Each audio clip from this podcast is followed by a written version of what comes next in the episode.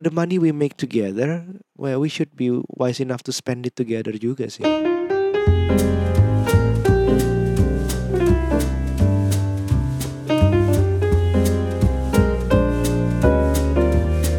Hai, ini udah hampir sebulan kita nggak rekaman. Yeay, ini rekor bukan sih? Rekor, rekor. Tanpa Ini lama bilang. banget. Iya, tapi sih? tapi ya kemarin tuh sampai ada beberapa DM yang masuk ke aku. Mm-mm.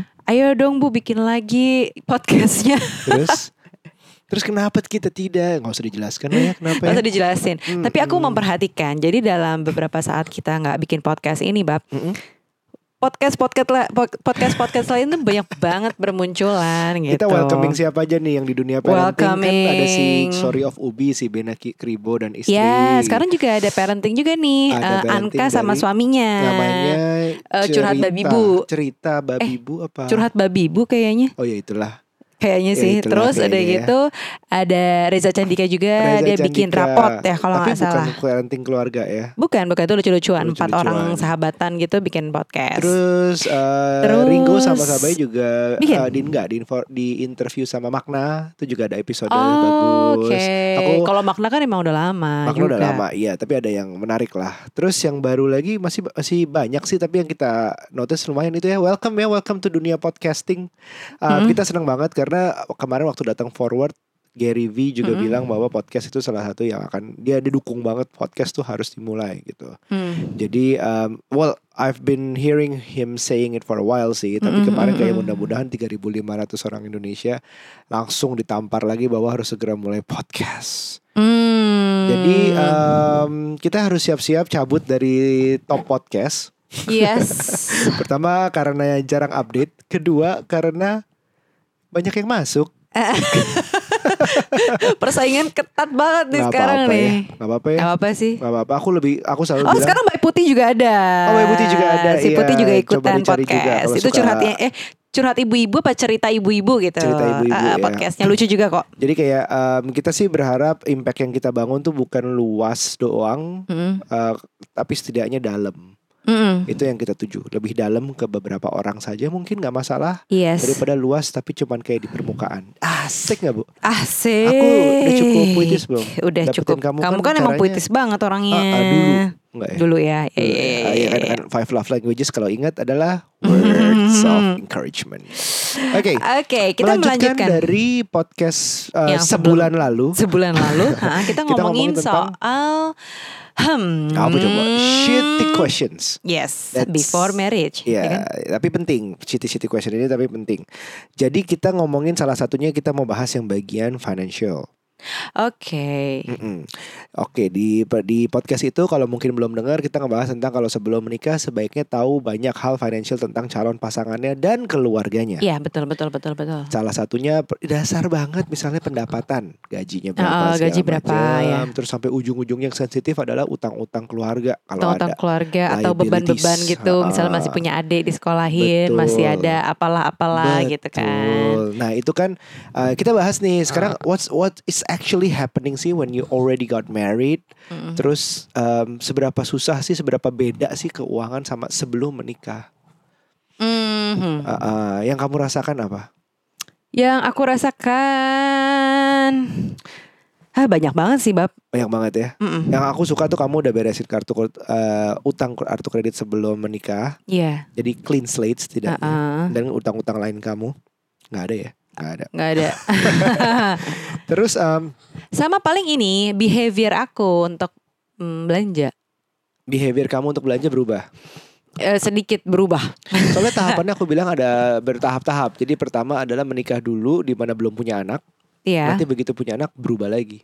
Iya sih karena benar benar. prioritasnya benar. bertambah. Mm-mm. Jadi kalau em, yang kita lakukan di awal, nih ini- kalau yang ini sih nggak harus nggak harus semuanya dilakukan ya, karena Iya. eh, masalah pertama financial managementnya. Ah. Jadi kalau yang megang duit atau yang ngatur duit atau yang ngatur budgeting financial segala macam itu siapa ditentukan. Oke. Jadi em, ditentukan bisa dengan cara misalnya biasanya istrinya boleh kebanyakan orang mungkin istrinya Mm-mm. gaji diberikan kepada istri atau full atau sebagian atau bagaimana Mm-mm. atau yang merasa suaminya itu lebih berasal dari background finance itu boleh banget dioper ke suaminya itu nggak masalah banget dan yang terakhir adalah bareng-bareng Hmm, hmm. Ya itu salah satu caranya adalah buka joint account. Ya, kita pertama kali di eh, begitu menikah nggak lama kita ngurus joint account ya, Iya. langsung. Dan duit itu langsung dimasukin oleh duit Betul, duit angpau duit angpau. dari kawinan. Jadi kan um, duit angpau itu biasanya kita tanya dulu nih ke orang tua kita balikin nggak? Um, kalau balikin Iya, ya balikin. betul, betul, betul, betul. Kalau mereka misalnya mereka membutuhkan harus diberikan balikin. karena itu pun pesta yang mengadakan biasanya biayanya orang tua. Kalau biayanya orang tua ya. Iya, iya, iya. Jadi emang kita tanya dulu ke orang tua, Mm-mm. "Ah, ini uangnya eh, mau dikasih ke, dikembalikin ya sama kita Mm-mm. gitu. Terus kebetulan orang tua kita dua-duanya nggak mau, Nggak usah. usah lah, nggak apa-apa, Ah, udah kamu simpan aja gitu kan. Terus ya udah itu dijadikan modal untuk kita simpen di joint Iya, account. kita sempet keluar duit dikit sih untuk kayak penutup pembubaran panitia Mm-mm, sama mm-mm, kayak beberapa panitia yang repot yang saudara kita kita Kasih traktir, kado, kita kayak kasih gitu-gitu. kado kasih kado-kado kecil lah tapi banyak gitu semuanya kita kasih terima kasih gitu Iya. tapi abis itu full masukin ke joint account itu Ah, nah, jadi itu udah udah mulainya dari situ sih. teknisnya kalau nggak tahu basically sih tinggal datang ke bank bilang mau buka joint account Mm-mm, jadi tapi dua-duanya harus datang. dua-duanya harus datang tanda tangan segala macam menyatakan itu joint account Heeh. dan um, nanti ada dapat ATM ATM-nya itu cuma satu ya bu ya Iya. Yang pegang itu tinggal dibicarakan siapa Heeh. dari ATM itu bisa melakukan transaksi layaknya ATM biasa Mm-mm. Uh, tapi kalau misalnya transfer tertulis yang lewat form biasanya harus dua-duanya tanda tangan. Harus dua-duanya. Nah, enaknya sebenarnya joint account ini eh, dipakai oleh kita untuk pengeluaran sehari-hari ya, Betul. Gitu. Jadi, kalau untuk tabungan dan lain-lain nggak di situ sih. Mm-mm. Kalau misalnya uh, karena tabungan dalam bentuk tabungan harian sama tabungan investasi itu harus beda. Mm-mm. Investasi pun ada macam-macam. Nanti we'll get to there. Tapi basically itu yang kita lakukan. Kita ada Mm-mm. joint accountnya itu. Um, ini benar-benar sekali lagi gue ingetin terserah nyamannya bagaimana. Kalau full istrinya semua, misalnya full istrinya siap tanggung jawab semuanya ada dan jago banget bikin laporan itu by all means gitu. Ya. Itu silahkan banget. Tapi kita kita sama-sama um, walaupun Nucha banker tapi Nucha pengennya kita bareng-bareng ya ngaturnya ya. Mm-mm. Uh, Nucha sih yang sehari-hari lebih banyak uh, mengambil keputusan yang hari-hari. Tapi, nah ini tahap berikutnya adalah tahap nabungnya, oke? Tahap Ya. investasi. Dari Oke. forward kemarin bu, uh, Hmm. kejadian forward dan sering apa acara forward dan kita sering ngobrol sama Joska dan Akar. um, begitu pentingnya kita ini untuk investasi, bukan cuma untuk pribadi. Misalnya um, duit itu akan akan inflasi. Boleh Mm. dibilang misalnya kita punya eh, satu juta rupiah sekarang 15 tahun lagi udah pasti Beda. kalau usah 15 tahun satu tahun Mm-mm. depan tuh worthnya udah nggak satu juta pasti turun Mm-mm. dan kalau kita nggak ngelakuin sesuatu tentang satu juta itu kita akan miskin dengan sendirinya kasarnya akan turun lah dengan sendirinya Iya, betul. gitu belum like apa Nggak, nggak, ya udah kamu dulu. Iya, jadi em, itu semua bahwa negara Indonesia itu kan sering di apa ya? Dulu itu sering dimanjakan dengan deposito yang bunganya gila Iya. banget di tahun sejak merdeka sampai akhirnya krisis di 98. Mm. Nah, krisis 98 ini aku ceritain dulu yang mungkin yang nggak denger uh, forward kemarin atau yang nggak datang. Di krisis 98 kemarin adalah akhirnya karena bunga yang terlalu besar, bank harus membayar bunga-bunga itu, collapse semuanya dan negara yang harus bail out bank-bank ini. Mm-mm. Nah, karena bank itu kan dikuasai zaman itu kan adalah untuk dapetin uang sebanyak mungkin dan dipinjamkannya, dikreditkannya ke sohib-sohibannya juga gitu, Iya. sohib dan keluarga. It's all the malpraktek lah dari dunia banking waktu itu. Akibatnya Indonesia harus berhutang ke IMF sampai terus sampai 2006. Dan itu menurut kita, menurut Makar juga adalah itu actually kita baru merdeka tahun 2006 itu. So, negara ini kalau nggak ada financial literacy yang benar, yang kita tahu duit tuh harusnya larinya ke mana, digunakan untuk apa, unless you're very very good in making money, Mm-mm. which is orang tuh nggak bisa sepenuhnya kerja terus untuk uang, Mm-mm. tapi harus ada waktunya uang itu juga bekerja untuk kita. Dan itu untuk cara taunya gimana, ya melek secara finansial. Iya sih, dulu sayangnya aku telat melek finansial menurutku. Mhm. Eh, walaupun kita di awal nikah itu udah ke financial planner Mhm. yaitu QM Financial, Betul. Eh, nggak apa-apa lah sebut ya kan? Nggak apa-apa, nggak Iya, apa-apa. Itu kan teman kita sendiri juga. Tewina.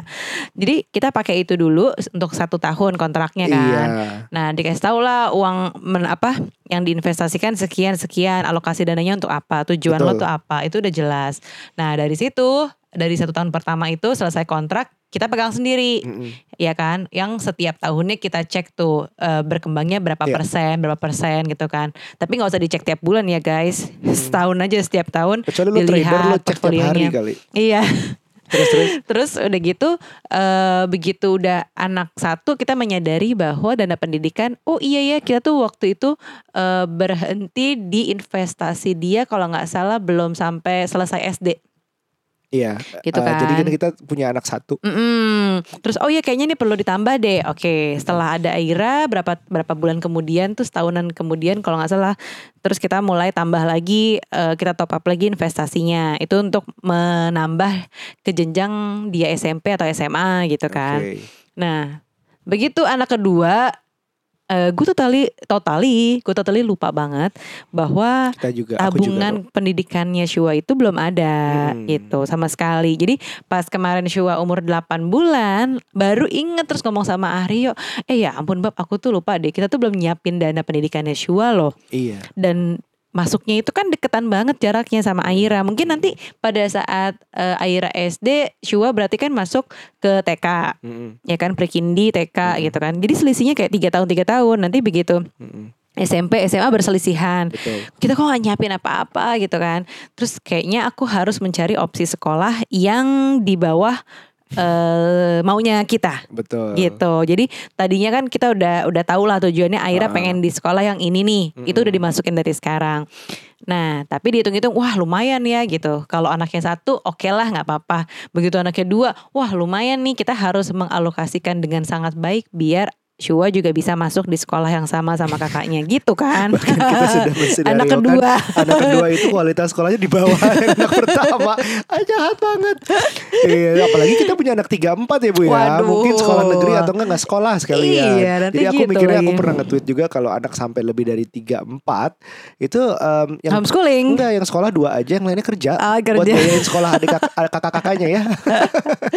iya sih jadi eh, begitu baru menyadari dan ya udah langsung aja daftar sekolah yang memang waiting listnya udah dari bayi Karena guys ada kalau tuh satu sekolah yang pasti nih tahu nih kalau ibu-ibu dengar ada satu ada sekolahan yang memang daftar prekindi dan apa eh, prekindi TK SD-nya itu udah di- bisa didaftarin dari bayi ah. gitu Karena jadi guys lo harus ingat, kalian nih harus ingat. Jadi misalnya em, ini udah ngitung nih eh, TK, SD, SMP, SMA bahkan kuliah gue hitung semuanya, gue ambil semua harga tuition fee-nya sekarang, Mm-mm. gue hitung gue jumlahin. Eh punya nih duitnya nih kayaknya santai lah. Tapi do you know what? Kalau misalnya kalian tiba-tiba bayar, ya nggak usah jauh-jauh lah SD Hmm. masih sekitar baru lahir nih misalnya baru lahir hari ini sekitar 5-6 tahun lagi baru bayar SD harganya nggak akan sama sama harga sekarang yang lo ambil gitu Iya betul itu akan Inflasi. naik dan lo akan Iya. kaget apalagi nanti kuliah Iya inflasi per tahun aja 6-7 persen ya Bap ya iya kurang lebih. Nah, ada sekolah-sekolah tertentu yang inflasinya di atas itu 10 di atas 10 persen ngekngok. bayangin Itu- kalau Hmm. 15 tahun misalnya kita ngomongin SMA atau kuliah 15 sampai 18 tahun Iya, inflasinya jadi berapa harga sekolahnya so if you don't do anything about your money now you gonna suffer you gonna end up oh ternyata nanti 15 tahun lagi harganya segini ya sekarang ya kita turunin aja deh kualitas sekolahnya gitu loh Mm-mm, itu yang ditakutin yang mm-mm. korban jadi anaknya itu yang kita baru bikin sadar kita juga Iya telat sih. banget sadarnya Iya iya Ya, iya. lah. Walaupun ada ada pikiran gini, ah nggak apa-apa kok di, di sekolah negeri aja emang kenapa? Iya, kita pun Mm-mm. berdua juga eh, Jebolan made sekolah in negeri. sekolah negeri kan, nggak apa-apa nggak masalah. Cuman iya selalu ada keinginan dari kita, pengen anak kita tuh lebih baik dari kita. Iya. Nah, aku berharap sebenarnya Mm-mm. dengan Shua dan Aira aku sekolahin bukan sekolah negeri kayak aku dulu, aku pengen dia lebih pintar daripada aku dulu. Iya. gitu. Ya kalau sekolah negeri ya sudah kita harus itu kalau kita nyampe segitu. Tapi Iya. kalau kita bisa kita juga berusaha ada lebih, plan kan SMP dan SMA-nya Aira itu eh, bukan di sekolah yang sekarang Swasta, ini kan, ah, iya. swasta yang lain atau mungkin negeri juga nggak apa-apa gitu. We'll see lah keadaannya. Mm-mm. Terus juga ada yang ngomongin, tapi kan ada beasiswa gitu. Iya iya oh iya iya, iya. iya. ya beasiswa tuh bagus. Tapi bagi gue, kalau gue bertarget anak gue beasiswa, terus sampai sampai segitunya targetin sehingga anaknya dipecut segala macem, les lah, Mm-mm. segala macam apa pun yang bisa bikin dia lebih pintar. Takutnya anaknya nggak cocok kita salah didik, didik, dia bisa stres. Itu pertama itu. Iya. Kedua, kalau udah kayak gimana pun berusaha sepinter-pinter itu dia nggak stres pun terus dia nggak dapet, tapi lo nggak nyiapin duit untuk bayar full, Iya. lo yang stres habis abis itu. Iya, menurutku juga kayak beasiswa itu bukan sesuatu yang bisa diukur dari sekarang sih. Ya Bisa sih? diusahakan. Bisa diusahakan, cuman maksudnya tapi tetap tabungannya itu harus ada gitu Iya. kan. Jadi jangan jadikan beasiswa tuh target utama. gitu. Iya, Jadi, justru target utama lo ya dana dulu. pendidikan yang sudah bisa dipenuhi Betul. gitu. Jadi- ya di mana pun sekolahnya ya. Kalau dapat beasiswa baru deh itu berarti jackpot. Mm-mm, Duitnya betul. nggak usah kepake yang udah disiapin, bapak ibu bisa jalan-jalan. Betul, Bapak Ibu bisa beli tas baru. Duh, aku ngarep ya? tuh. Ya, Aira ya please Beasiswamu antara kamu sekolah pinter banget Atau suamimu tajir banget Bercanda Bercanda Oke, balik lagi ke Caranya gimana? caranya gimana? Hmm. Jadi eh Ada apa namanya? stepsnya ya Bu ya? Iya ada stepsnya. Jadi begitu kemarin eh, udah 8 Shua umur 8 bulan dan aku baru ter ter apa ya tergelitik untuk mulai nabung lagi dana pendidikannya eh, dan aku udah mulai sekolah daftarin di sekolah yang ada waiting listnya itu. Iya kan? Ha-ha. Just in case lah. Jadi aku daftarin dari sekarang. Terus eh kita datang lah ke financial planner juga Hmm. gitu dan mempelajari hal yang lebih baru dan apa Lebih ya sesuatu ya, karena- lebih up to date Nah, dan akunya juga lebih udah lebih apa ya melek finansial. Mateng. Jadi ha lebih matang. Jadi belajarnya itu lebih gampang ecap. Kalau yang sebelumnya tuh aku kayaknya masih hahoh itu dari mana ya? Kok Iya, bisa ya iya, gitu iya. loh. Kalau sekarang mungkin udah bisa lebih pintar apalagi aku juga ikutan kelasnya eh apa namanya Tewina itu QM Mm-mm. Financial dia bikin online class menurutku bagus banget sih. Jadi ini adalah online class yang diadain setiap hari Senin sampai Jumat malam hari jam 7 sampai 8 atau 8 sampai 9 Hmm. malam. Itu ada jadwalnya hari Senin ngomongnya saham, Senin depan itu ah, saham yang advance lagi. Mm-mm. Kayak gitu-gitu. Jadi bisa diikuti diikutin oleh semua orang gitu kan. Mm. Bayarnya juga murah sekitar 100 200 ribu per kelas. Jadi aku ikutan di situ juga sambil belajar sambil juga sama financial planner kita. Iya Tapi juga kamu juga sering kerja sama Sama financial planner lain Di Ya, itu Betul. Dan memang kayaknya seolah-olah em, Bisikan-bisikan financial tuh masuk ke kamu dengan Timingnya pas aja Timingnya gitu. pas karena aku juga lagi menyiapkan gitu kan dana ini dan itu udah lebih mateng dan lebih melek keuangan gitu. Mm-mm. Jadi kemarin tuh dibahas soal gini pertama kali di- kita datang lah. Eh, boleh sebut? Boleh dong Oke, kita Itu semua temen uh, financial planner kita adalah Juska. Dan memang di situ uh, apa namanya untuk di initial meeting kita dijabarin tuh semuanya istilahnya kayak dikulitin lah kita uh, penghasilan kita tuh dari mana aja, berapa banyak, aset kita tuh apa aja Oh. uh, dan lain-lain pengeluarannya tuh apa aja sih dalam satu bulan Nah, gitu. sebelum kita lebih jauh ada yang sempat nanya tuh ke aku. Itu nggak apa-apa tuh dikasih tahu semuanya. Mm-mm. Itu pilihan balik lagi ke masing-masing tingkat kepercayaannya. Tapi kalau financial planner nggak tahu apa yang lo punya dan lo hasilkan dan lo keluarkan, bikin plannya juga susah dan nggak akan akurat. Itu satu. Iya benar benar benar benar. Kedua, ya it's your call sih sebenarnya ujung-ujungnya. Misalnya mau ngasih tahu seluruhnya benar-benar Mm. jujur 100% atau 90 persennya atau se- 50 persennya terserah urusan masing-masing. Tapi inget ya, hasil perhitungan atau planning mereka akan sangat tergantung apa yang lo ceritakan. Kalau lo Hmm. bohong juga nggak apa-apa, lo Iya, mau iya. pura-pura Tapi lo. menurut tuh gini, misalnya emang lo nggak mau terlalu dibuka dengan atau lo ragu, gue harus cerita ya sama financial planner ini ya. Ya nggak apa-apa. eh, tapi pertama ya itu tadi akurasinya kurang. Iya betul. Eh, kedua, menurutku nggak apa-apa juga sih untuk keep your eh, apa namanya tabungan tan eh maksudnya uang lo tanpa lo share ke mereka. Paling Nah. nggak ada 10-20 persen yang lo umpetin lo nggak usah harus cerita ya nggak apa-apa juga. Iya betul. Ya gak sih? Jadi Ah. maksudnya gak jujur-jujur amat gak apa-apa Iya. Tapi at least hampir eh, 80 persennya lah lo ceritain Karena Hmm. dia akan bikinin lo blueprint Yang- tentang keuangan Yang aku saranin jangan ditinggi-tinggikan. Nah benar-benar Jangan ditinggi-tinggikan Demi gengsi lah misalnya, Ah, ah. "Wah, gaji gue, gue bilang aja dua kali lipat, tiga kali lipat. Iya Ntar lo yang Lo yang suffer nanti Lo yang pas dikasih suffer plan. soalnya Karena kan dibikinin blueprint Setelah lo Mm-mm. ketemu itu Lo nanti dibikinin blueprint Mm-mm. Tentang penghasilannya dari mana aja Akun yang mana aja Nggak, nggak kita nggak sebutin nomor akun kita Maksudnya ada akun bank in, Nuca bank ini Ada duitnya sekian misalnya Terus Aryo bank ini ada uangnya sekian Oke habis itu dialokasiin Iya. Untuk dana pendidikan diambil dari eh, rekening yang ini ini ini ini gitu Oke, kurang pelan-pelan. lebih Jadi jangan ditinggi-tinggikan pendapatannya, jangan direndah-rendahkan pengeluarannya. iya Jadi betul jujur aja, lo minum kopi sehari tuh berapa kopi-kopi sekarang lah, Iya. kopi-kopi kekinian. Terus bisa hitung habis berapa nih sebulan kira-kira. Mm-mm. Itu sampai micromanagingnya kalau mau diteliti bisa Mm, gitu. mm, mm, mm, Salah satu mm. aplikasi yang disarankan nih sambil on, uh, on on the side, coba deh pakai aplikasi namanya Money Lover.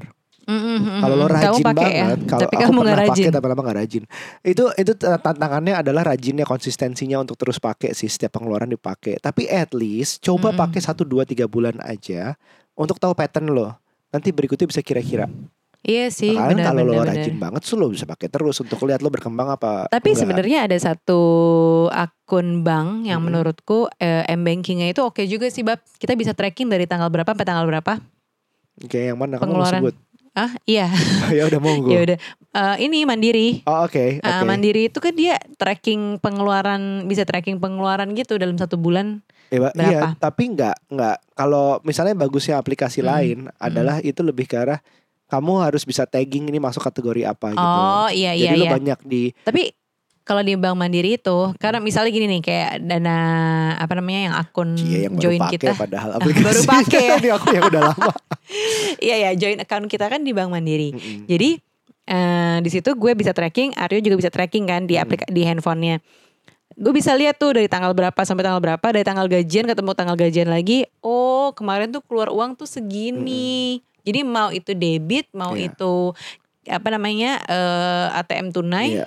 Itu udah ke-track semua, semua gitu. ada sih. At Jadi, least semuanya gitu loh, Bab. Iya. Ada kayak totalnya berapa? Oh segitu. Jadi gaji gue segini, pengeluaran gue segini. ini gitu. disclaimer ya, ini kita nggak disponsorin dan kita nggak rekomend untuk pakai bank apa pun. Kalian nggak masalah, aku Iya bilang iya pakai iya bank iya. apa iya. aja. Mm-mm. Bahkan banyak aplikasi bank lain juga kita nggak tahu dan kita pun nggak menggunakan bank mandiri satu-satunya. Gitu ada bank lain juga. Just to be safe. Gitu. Oke, terus udah gitu eh, kemarin itu ada beberapa hal yang eh, gue catat juga penting untuk kalian sebenarnya bisa hitung-hitungan sendiri. Misalnya Hmm. gini nih, dihitung kekayaan bersih. Oke. Ya, kekayaan bersih itu yang kayak tadi nih, maksudnya obrolan pertama kita, kita jabarkan bahwa Pertama aset, aset yang kita dulu. punya apa sih gitu kan. Terus uang yang ada di bank itu apa saja yang kita investasikan apa dan lain-lain. Pokoknya intinya eh, kekayaan yang kita punya. Iya. Ya. Termasuk itu utang. ada ya ada pertama namanya aset lancar. Iya. Jadi aset lancar itu ya uang yang benar-benar freshman bukan freshman nih maksudnya uang yang ada di ATM saat ini Hmm. gitu ya. Terus eh, aset investasi Oke. kayak misalnya reksadana atau lo misalnya punya rumah di mana ada properti tanah dan yang lain-lain diinvestasikan. yang Karena diinvestasikan. rumah ada yang dipakai kan. Ya, atau unit link misalnya Ya. kayak gitu. Itu masuknya aset investasi. Terus aset guna, kayak misalnya rumah sekarang yang lo Mm-mm. pakai, terus misalnya mobil lo. Yang dipakai juga. Iya. Mobil biasanya nggak pernah jadi investasi sih. Ah. Sama eh, ada hutang juga gitu. Ada hutang jangka pendek, jangka panjang dan lain-lain. Itu pokoknya lo harus tahu berapa. Mm-mm. Biasanya dari tahap itu kita akan tahu sehat apa nggak sehatnya Ya, nanti betul, dinilai. betul, betul, Bahwa betul. misalnya, oh utangnya banyak banget nih, um, ada KPR, ada segala macam rumah, rumah, mobil segala macam utang, ternyata berapa persen dari uh, pendapatan. Nah itu ada hitungannya. Kadang-kadang setiap uh, financial planner agak sedikit beda-beda tipis sih. Mm-mm, mm-mm, bahwa ada yang bilang utang itu sebaiknya 30% dari uh, pendapatan. Harus maksimal tuh 30% bayar utang. Iya, ada yang kayak gitu. Ada yang ti- 40, ada yang gimana gitu. Tapi itu omongin aja sama financial planner dan kalian juga bisa kira-kira sendiri walaupun nggak pakai Mm-mm. financial planner. Oke, jadi empat hal tadi ya yang kalian harus tahu kekayaan bersih kalian tuh apa aja. Aset lancar, Mm-mm. alias uang yang ada di ATM, Mm-mm. ya. Aset investasi. Aset investasi, reksadana, rumah, properti gitu ya. Mm-mm. Kemudian aset guna yang lo punya sekarang, misalnya rumah atas nama lo atau misalnya rumah orang tua tuh sekarang dibalik nama atas nama lo gitu ya. Mm-mm. Terus mobil yang lo pakai sekarang atas nama lo. Mm-mm. Terus sama hutang tadi ya. Sama hutang udah.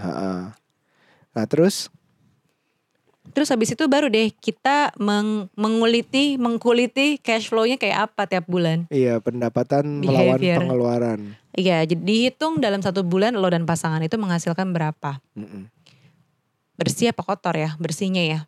Ya beberapa sih zaman sekarang kan ada yang gaji misalnya. Kedua ada yang misalnya dividen yang punya perusahaan. Mm-mm. itu dibagi per tahunnya dapat berapa terus per bulannya berapa terus juga di uh, misalnya zaman sekarang banyak banget influencers atau freelancers Oke. Atau, uh, Itu dana profesional. tak terduga lah uh, ya. Nggak sih? pendapatan, tak terduga, juga iya tapi bisa dirata-ratakan Ya, ya, minimalnya deh ambil berapa kalau lo pesimis kadang-kadang bulan ini gue dapat A dua bulan depan gue dapat dua kali A gitu tapi ambil ter, rata-rata terendahnya aja gitu Hmm. untuk sebagai pendapatan lo bagaimana Oke, Nah, sama pengeluaran. pengeluaran Pengeluaran itu juga dibagi lagi. Ada pengeluaran primer, ada kewajiban, Mm-mm. kewajiban tuh udah kayak sekunder. kewajiban tuh kayak apa aja bu makan Apa?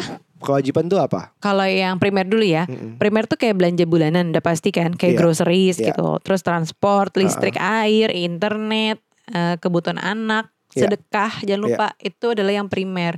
Kalau kewajiban itu sesuatu yang kita bayarkan kayak misalnya PBB. pajak ya Terus udah gitu eh, gaji mbak, gaji Heeh, supir gitu kalau kan. ada uh, Terus uh, harus bayar eh, THR, STNK, utang termasuk di situ nggak cicilan misalnya cicilan iya kayaknya ya. cicilan masuk Kewajiban, rumah sama mobil Terus misalnya. sekunder, sekunder itu tahu ya, berarti itu kan yang nggak wajib ya dan nggak Iya. apa ya, nggak nggak di, diutamakan. kopi-kopian Ya itu kayak misalnya lo beli baju, Nah, lo eh, entertainment lo deh, misalnya em, apa ya? nonton Nonton, eh, terus keluar malam Ya, ngopi-ngopi kayak gitu-gitu. Nah itu masuknya sekunder. Jadi jenis pengeluaran itu bisa dibagi tiga. Primer tadi, gadget kewajiban, sneakers gitu ya. sekunder. Banyak banget. iya nah dari dari dari itu kita bisa tahu apa Hmm? dari itu kita bisa tahu apa Eh, dengan kita tahu berapa banyak pengeluaran kita, Mm-mm. sebenarnya itu menentukan dana darurat. Nah itulah yang pertama kali harus di itu above everything else. Jadi Nah. dana darurat tuh cara ngitungnya ini juga per, eh, di perlu Beda-beda diketahui ya. nih. Beda-beda nih setiap financial Mm-mm. planner. Bahkan setiap orang tuh bisa beda-beda, terserah gitu. Nah ini yang disarankan beberapa apa aja bu? Cara ngitung dana darurat. aku pernah dengar bahwa dana darurat itu kalau single Ya. ya 12 kali pengeluaran. 12 Ya. kali dari Eh, eh, pengeluaran bulanan. pengeluaran bulanan. Iya. Misalnya dalam satu bulan pengeluaran lo nih single ini 10 juta. Berarti dana darurat lo itu harus 120 juta at least. Oke, jadi 120 juta itu harus ada di tabungan, nggak boleh disentuh. Iya, karena dana darurat itu buat apa sih? Jadi kalau Hal-hal misalnya Iya. apa tuh? Ya Darurat. hal-hal, hal-hal yang misalnya misalnya nih amit-amit lo kecelakaan, ah. mobil misalnya eh, apa namanya penyok dan lain-lain gitu kan, nggak gitu. diasuransi. Nah itu Hmm. kena lah. Itu yang minimal tuh. Iya, atau misalnya yang udah punya rumah, terus rumahnya tiba-tiba bocor, Iya. terus ada bencana dikit lah bencana gitu. apa gitu, atau misalnya tiba-tiba nyokap kenapa? PHK apa. juga bisa. PHK juga bisa. PHK juga bisa harus belum bisa dapat kerja lagi harus bisa support selama satu tahun itu Mm-mm. gitu contohnya. Nah, tapi itu kan dengan case yang single-single aja ya. Mm-mm. Sementara kalau yang udah punya anak satu itu Udah paling enggak di dua kali lipat. Yes. Ya nggak sih? Ah, Dua kali 12 pengeluaran per bulan. Yes. Jadi kalau gajinya 10 juta tadi harus punya 240 juta di tabungan nggak disentuh, nggak itu boleh anak disentuh. satu, anak dua Anak dua kali berapa? dikali lagi 12 kali pengeluaran lagi. Iya, ya udah. Segitu. 360 Dan belum lagi juta kalau gitu kamu juga menanggung masih ada orang tua. Iya. Nah, itu dikali Apakah lagi. orang tua masuk beban Soalnya- atau adik gitu buat sekolah gitu. Iya, soalnya kita ini katanya kan generasi generasi sandwich, ya kan, alias kita menanggung eh, punya anak-anak Mm-mm. ya yang kita harus eh, apa namanya bayarin istilahnya, dan kita menanggung juga punya orang tua, Betul. ya kan. Walaupun misalnya orang, orang tua kita nih masih produktif, masih apa, ya itu kan sekarang. Berapa Betul. tahun kemudian belum tentu. Siapa tahu dia mau pen- pensiun. Belum lagi rawan sakit umur segitu. Iya, gitu. Jadi kita menanggung beban dari pihak orang tua kita sendiri dan pihak anak. Betul.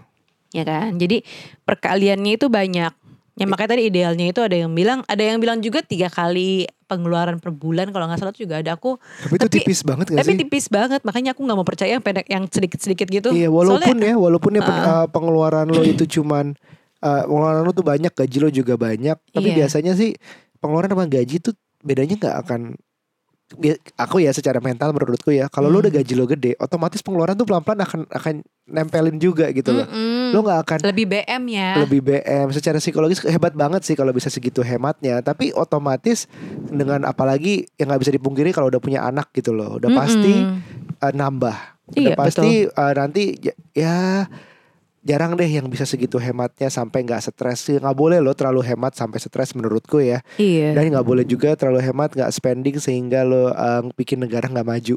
Mm-mm. itu juga lumayan tuh. Jadi harus harus um, imbang lah yang masih yang sehat lah. Nah itu ada hitungannya. Financial planner yang jago. Nah kita cuman kayak sharing apa yang kita ituin aja. Nah abis abis dana darurat apa bu soal asuransi nih kemarin aku juga labil kan Mm, soal asuransi dana pertama yang darurat. paling penting adalah asuransi jiwa. Uh, karena ada asuransi itu aja masalah perbedaan asuransi jiwa dan asuransi kesehatan tuh aku baru notice sekarang ini karena sebelumnya menurutku aduh asuransi apaan sih udah gitu Mm-mm. ada yang asuransi uh, kesehatan dan jiwa ada yang asuransi apalah apalah gitu kan Mm. Iya ternyata sekarang aku baru menyadari oh itu tuh dua hal yang berbeda ya Kalian kalian pasti kan banyak tuh ada teman yang selalu uh, udah lama nggak hubungan terus tiba-tiba nawarin asuransi nelpon. Ya, eh, Lebih baik iya, dengerin iya, dulu iya, sih iya. kalau gue bilang sih. Maksudnya dengerin untuk tahu produknya tuh apa aja. Yang harus Iya. penting dalam asuransi itu asuransi itu bisa macam-macam banget. Bisa dipisah-pisah. Bisa jiwa aja, Mm. bisa kesehatan aja. Bahkan jiwa itu bisa covernya berapa itu juga harus dilihat. Yang tanpa tabungan ya, tanpa Iya. investasi, lepas aja itu juga bisa. Terus kesehatan pun ada yang ingat kalau sekarang tuh pengen banget cashless. Mm-mm. Di mana kalau em, artinya itu nggak harus nggak harus nyebu, ah, bawa macam-macamnya dokumentasinya tinggal nyebutin asuransinya apa namanya siapa nanti dia udah terkonek lah ke beberapa rumah sakit gitu misalnya Mm. pokoknya banyak banget gue bukan ahlinya dan gue nggak jualan asuransi kita nggak jualan asuransi tapi coba deh omong sama beberapa orang yang di asuransi asuransi apa yang cocok buat lo? Apakah yang cover Indonesia aja apa yang cover sampai luar negeri? Itu bisa detail banget. Sama yang ini juga nggak? Asuransi yang perlu apa apa medical check up apa yang enggak. yes perlu Beda medical juga check up kan harganya tuh. enggak. betul banget betul banget. Terus asuransi yang itu eh, jiwa kesehatan tuh penting. Kita di jiwa dulu. Mm. Em, kira-kira har- akan akan butuh berapa sih anak istri gue kalau misalnya gue ada apa-apa Iya. atau enggak kalau kita berdua ada apa-apa nah itu ada hitungannya Mhm. itu ada hitungannya hitungannya gimana bu apa suruh ke financial planner aja lah daripada Iya itu ya. teknis. Itu Udah teknis usah. ya Oh, lo kalian skip. ke sana aja untuk tahu hitungannya butuh berapa you don't Mm-mm. wanna mess with risk sih Iya iya iya. kalau iya. sampai akhirnya ada apa-apa Terus eh, baru deh dana pendidikan. dana pendidikan Ha-ha. dana pen eh belum eh, asuransi kesehatan udah ya? oh ya Udah, udah, itu termasuk lah berdua oke. tadi. baru dana pendidikan nah satu hal yang gue pelajari dari dana pendidik dari cara investasi kemarin bagi gue bagi kita harusnya yang kita paham adalah caranya. Kenapa kita investasi dan ke mana kita investasinya itu. Jadi proses belajarnya investasinya itu. Jangan sampai kayak kita yang kayak em, yang dulu banget "Ya udah deh gue percayain sama lo. Gue nggak nggak tahu gue nggak nggak bisa belajar gue nggak punya waktu untuk belajar. Diputar aja uangnya. Hmm, which is itu menyedihkan sih buat kita sendiri. Iya. sayang sekali kita nggak dapat ilmunya um, dan kita nggak tahu akhirnya gimana dan perform apa enggak. Bahkan kita nggak bisa nentuin itu perform apa enggak gitu investasinya. Mm, mm, mm, so you gotta know you gotta know the process you gotta do it together sih. Iya. nah, itu penting banget penting banget penting untuk dihitung-hitung dan ada juga kalkulator eh, ini bab pendidikan jadi Mm-mm. emang dari apa namanya financial planner ini bisa bisa share sih ke kliennya untuk apa namanya kalkulator yang bisa kita isi sendiri Mm-mm. jadi kita bisa memperhitungkan eh, tahun ini SPP-nya berapa Iya. terus uang bulanannya berapa Terus nanti ada hitungannya formulanya sendiri untuk mengkalikan 7% per tahun dan kita butuh berapa tahun lagi Iya. uang itu. Jadi kita tinggal klik klik klik klik klik gitu terus keluar abis itu kita ngitung sendiri sih. Jadi artinya kita nggak nggak tentu butuh eh, belum tentu butuh financial planner untuk selamanya. Karena aku yakin juga para financial planner ini pengennya si klien tuh juga pinter Iya. gitu loh. Jadi jangan bergantung sama gue mulu, lo tuh harus belajar sendiri. Sama halnya dengan parenting menurutku. Zaman sekarang semua harus dipelajarin. Bahkan ada dokter-dokter anak nih yang kalau eh, pas ibunya si pasien datang atau orang tuanya pasien masuk, pengen ibu ke sini udah baca buku saya kan, Hmm. ibu sudah baca sendiri kan bahwa penyakit ini tuh begini, gitu. Dia Ah. justru dokter-dokter anak ini nggak pengen orang tua yang masuk itu bener-bener nol, bener-bener nggak tahu. Iya iya iya. Zaman iya. sekarang soalnya udah tahu dong googling, baca buku dan lain-lain. Masa lo gak mau cari informasi dulu Iya, sih dan gitu. referencing dan cross referencing untuk membandingkan Iya. A bilang apa B bilang Jadi apa. kayaknya kalau bisa lo juga pinter pinter juga dong Iya. sebelum gue kasih informasi. Nah, sama halnya dengan financial Investasi. planner. Hmm. Menurutku mereka itu pengen banget kita berkembang bisa sendiri, pintar sendiri. Karena zaman sekarang belajar finansial tuh macem-macem banget. Event-event yang buat belajar finansial ini banyak banget. Banyak banget. Banyak banget. Bahkan Parentalk tuh sering banget bukan sering lah beberapa kali bikin event yang finansial terus. Ah. dan salah satu eh, podcast yang paling rame di 3 Days of Lunch adalah ngomongin duit.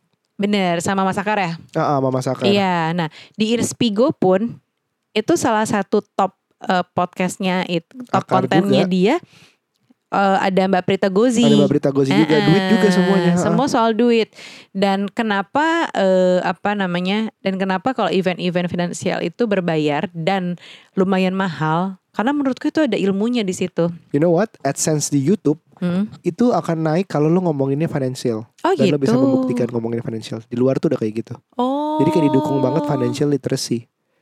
Iya iya iya iya. terus iya, terus iya, gini, iya, iya. investasi itu em, paling dasar yang gue tahu adalah saham. Tapi saham Mhm. tuh bisa bermacam-macam. Pertama, ya lo bisa bikin bisnis, bikin bisnis usaha itu udah namanya saham juga. Lo Mm-mm. punya saham entah itu lo sebagai silent partner nebeng bisnis si teman lo, lo diem Mhm. aja, atau lo ngelakuin bisnis sendiri itu udah hitung saham. Terus lo Mm-mm. bisa juga saham dengan beli sahamnya langsung.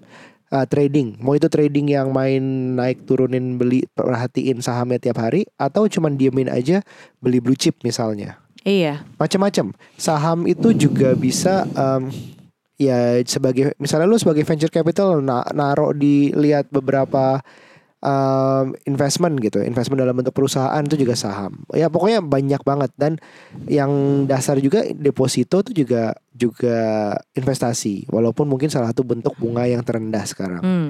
Oke, terus ini udah udah lumayan lama nih kita ngomongnya soal ini.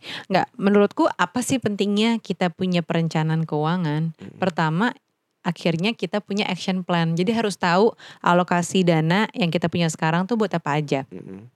Kedua, kita kan tahu persis nih, berarti kita harus menabung berapa persen dari pendapatan yang kita punya nih sekarang. Betul. Ketiga, kalau ternyata ada lebihnya, itu yang bikin happy sih. Iya. Oh ternyata duit gue tuh masih cukup ya buat apa namanya buat dana pendidikan, buat dana darurat diamanin dan lain-lain. Oh gue ada spare nih sekian. Oh Kalau cukup. Kalau cukup. Jadi setidaknya kan lo mapping apa ya keuangan lo tuh terus lo tahu gitu. Either lo bakalan jadi happy karena punya spare uang atau Mm-mm. atau ya lo harus tahu kan oh gue berarti berjuang harus kerja berapa lama lagi supaya uang ini masuk Iya. atau gue harus hemat seperti apa Betul. ya supaya uang gue ini cukup gitu Betul betul. Gini gini gini. Gua manusia mungkin bukan ahlinya. Kita di sini benar-benar em, daripada kita ngomong sesuatu yang kita sebenarnya banyak tambah banyak tahu nih berapa bulan terakhir ini. Tapi kalau kita share sekarang rasanya nggak nggak afdol kalau lo nggak belajar dari yang memang ahlinya. iya You sih guys go to the expert. Tapi yang kita rasain selama ini berapa bulan ini berapa berapa ya, berapa bulan ini kali ya Hmm. bu ya. Um, I really love the journey. Bahwa Iya sih. lo belajar bareng entah itu satu lebih tahu daripada yang lainnya it doesn't matter tapi lo belajar dari orang yang lebih ahli lo tahu keterbukaan tuh dites banget. Hmm. kayak lo punya duit berapa lo punya utang berapa sampai lo punya pendapatan berapa lo pengeluaran berapa kadang-kadang tuh itu yang dites banget. Mm-mm. dan itu begitu udah tahu kita belajar bareng. Kalau kalau bego bego bareng pinter pinter bareng. Iya. Dan akhirnya I really enjoy this gitu. Aku tahu kamu tuh uh, on the same mission the same level on the bahwa same sa- page. on the same page bahwa oh sekolah kita jadi samain. Maunya tadinya ini ini ini kita pilih sekolah bareng. Kita iya. pilih liburan bareng.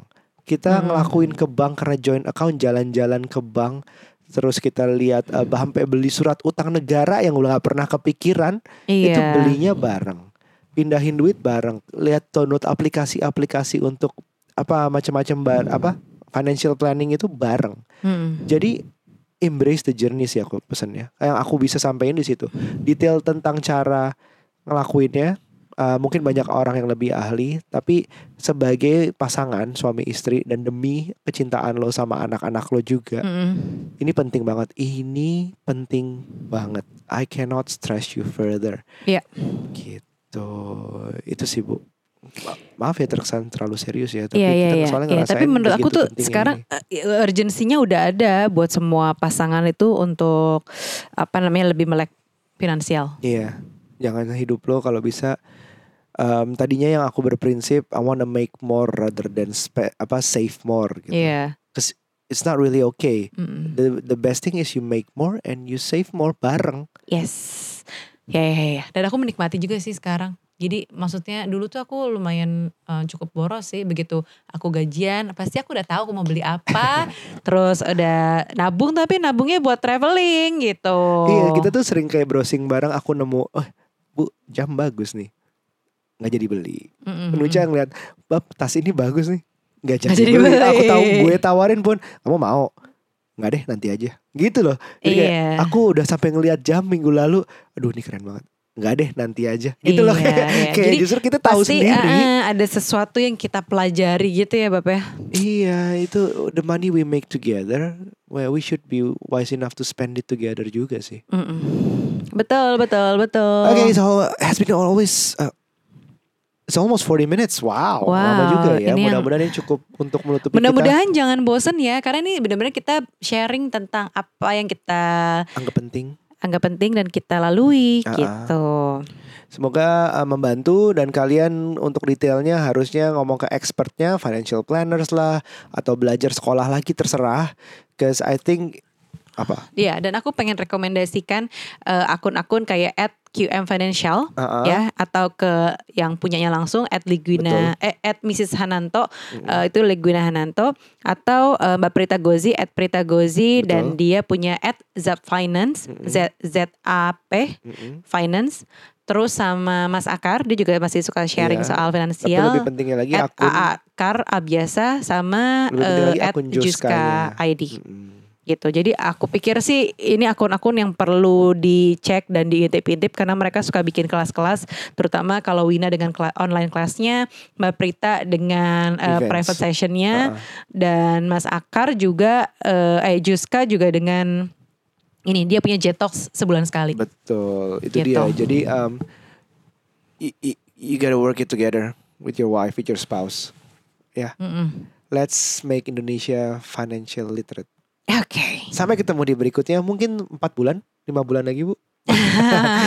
Bye now, salam dari Jurat Babu. Bye. Bye.